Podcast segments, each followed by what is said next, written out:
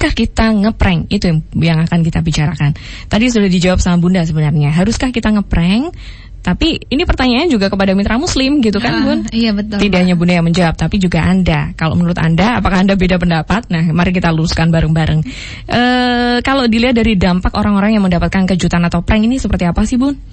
Eh, kalau misalnya hanya kejutan biasa sih kejutan yang membahagiakan nggak apa-apa ya mbak ya. Tapi kalau misalnya yang namanya prank itu kan perbuatan jahil ya. Jadi kita yang perlu pahami adalah definisi prank. Prank itu adalah sebuah perbuatan jahil yang memang memang bentuknya guyonan gitu loh. Tapi yang namanya jahil itu kan berarti di situ ada tipu daya kan mbak. Iya. Jadi ada sesuatu yang nggak benar. Nah ini yang saya eh, harus benar-benar kita pahami Oke. bahwa kita berikan kejutan itu beda sama dengan kita memberikan prank. Kalau kejutan kan misalnya kayak gini, saya pulang kantor nih atau saya pulang dari kerja nih tiba-tiba wah rumah saya sudah terlihat bersih nih, soalnya ban- suami sudah membantu bersihin rumah. Nah itu kejutan yang luar biasa. Saya juga mau. Mm-mm. Kemudian anak pulang sekolah ternyata udah disediain oh banyak makanan-makanan kesukaan mereka. Nah itu kejutan-kejutan kan. Nah itu beda sama prank mbak. Oke, dan dampaknya dari sisi psikologis bisa sampai terjadi sakit, eh, maksudnya Sakit mengganggu hati, kesehatan men- hati. mental kan? Bun? Iya, kalau misalnya jadi gini, kalau saya lihat orang-orang yang di prank kemudian mereka itu yang di prank saking sakit hatinya berusaha membalas gitu loh mbak. Dan kalau misalnya sudah berhasil, dia akan ketawa-ketawa gitu Iya. ya, Ke- kemudian ketawa-ketawa. Dan jangan sampai gitu loh mbak. Mhm. Hal ini ya yang menurut kita itu mungkin menurut kita ah cuman gitu aja dia Mhm. masa marah sih masa dendam kita kan nggak pernah tahu ya rasa eh, apa hati seseorang itu seperti apa jadi Betul.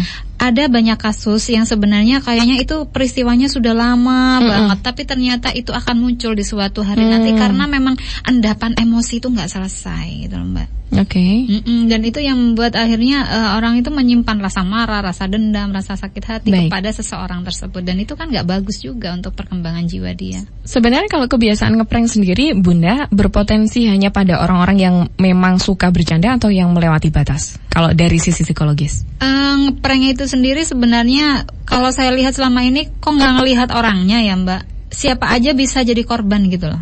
Yang melakukan maksudnya. Oh, yang melakukan, yang melakukan berarti eh, kita di situ ada ini ya, ada tiga indikasi ya orang-orang yang suka melakukan ngeprank itu. Yang pertama adalah dia mencari kepuasan, Mhm. yang kedua dia itu Cari mencari uang. perhatian, cari perhatian. Iya. Kemudian eh, yang ketiga adalah dia memang ingin mendapatkan eh, tadi kepuasan ya. Yang ketiga itu eh, apa ya saya kok lupa ini. Yang pertama mendapatkan kepuasan, kemudian yang Kepuasan. kedua adalah dia ingin mendapatkan perhatian. Perhatian. Kemudian yang ketiga itu padahal saya sudah catat tadi. Sebentar ya Mbak, boleh Tapi lihat ya? kebanyakan memang caper ya Bun ya. Cari kebanyakan perhatian. capar, ha, Mhm. cari perhatian kebanyakan mbak. Mhm. Tapi yang perlu dipahami sendiri, di, eh, yang perlu dipahami juga di sini Mhm. ya, eh, mendapatkan kepuasan batin itu dari orang-orang yang Sewenang banget berbuat pokoknya kalau seperti udah berhasil ya. Berarti di situ sudah ada ini loh, hati-hati loh Apa dengan kondisi-kondisi seperti ini. Berarti kalau dia mendapatkan kepuasan dengan cara mengerjakan orang, Hmm, berarti hati-hati dengan jiwanya, gitu loh. Hmm. Karena eh, Psikopat kah? Kalau psikopat enggak lah mbak. Nggak sampai nggak sampai nggak sampai psikopat ya. Karena psikopat itu eh, Sama soalnya sudah- kadang ada jahil yang super jahil begitu loh Bun. Kalau- ada yang sampai ngeri. Eh, kalau saya bilang sih kok tega ya sama temennya kayak gini gitu. Mm-mm, kalau seperti itu mungkin pada beberapa kasus ya. Tapi kalau ngeprank-ngeprank yang selama ini Enggak ya? eh, eh, eh, masih masih dalam batas-batas itu sih menurut saya sih itu ya cuman keterlaluan aja gitu loh. Jadi memang eh, apa ya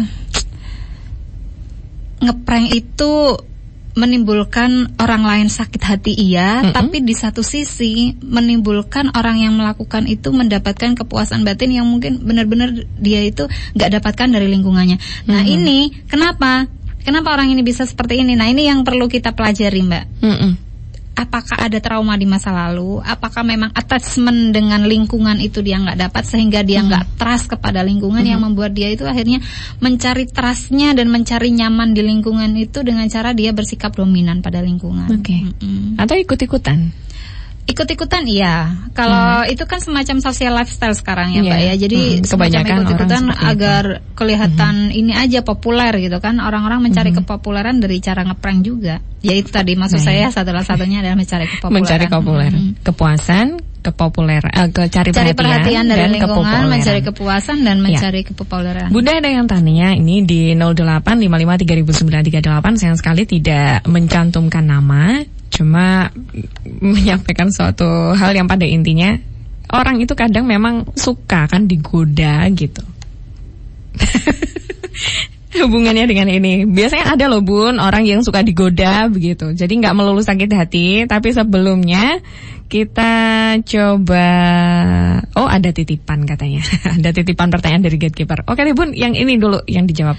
Orang suka digoda gitu ya. Nah ini pertanyaannya digodanya yang seperti apa gitu ya mbak ya. Kalau misalnya mungkin ada beberapa orang yang memang suka digoda itu karena memang dia itu merasa nyaman mendapatkan perhatian itu gitu loh Iya. mbak. Jadi orang-orang yang suka digoda itu kan biasanya orang-orang yang memang suka dapat perhatian gitu loh. Tapi kalau orang-orang yang sudah dapat cukup perhatian dari lingkungan dia juga nggak peduli kok mau digoda apa enggak ya udah biasa-biasa aja gitu loh.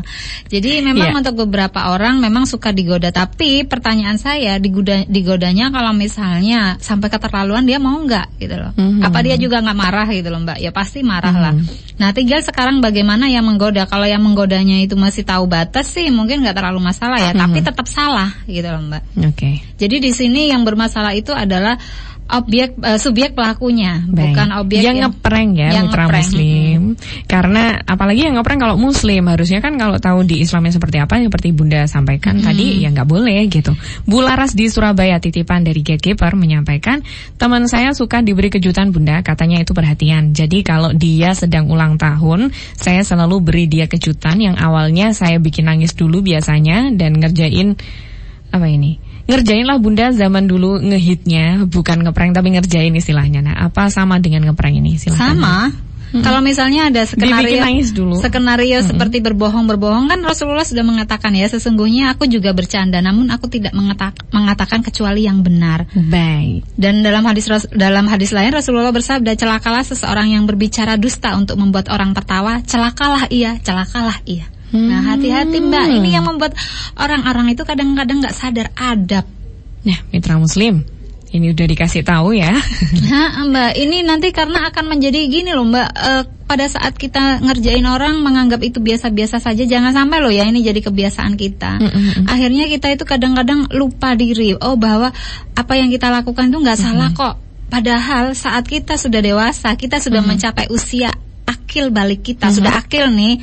Apa pun yang kamu lakukan itu sudah ada beban loh, beban dosa yang sudah di belakang kita. Betul. Apalagi kata Rasulullah, kalau seseorang berdusta untuk membuat tertawa, celakalah ia, celakalah ia. Bahkan Rasulullah mengatakannya sampai tiga, Tiga kali, kali. celaka celaka dan celaka. Naudzubillah baik bunda saatnya kita jeda. Tapi sebelumnya saya bacakan pertanyaan dari mitra muslim yang akan kita bahas di sesi berikutnya.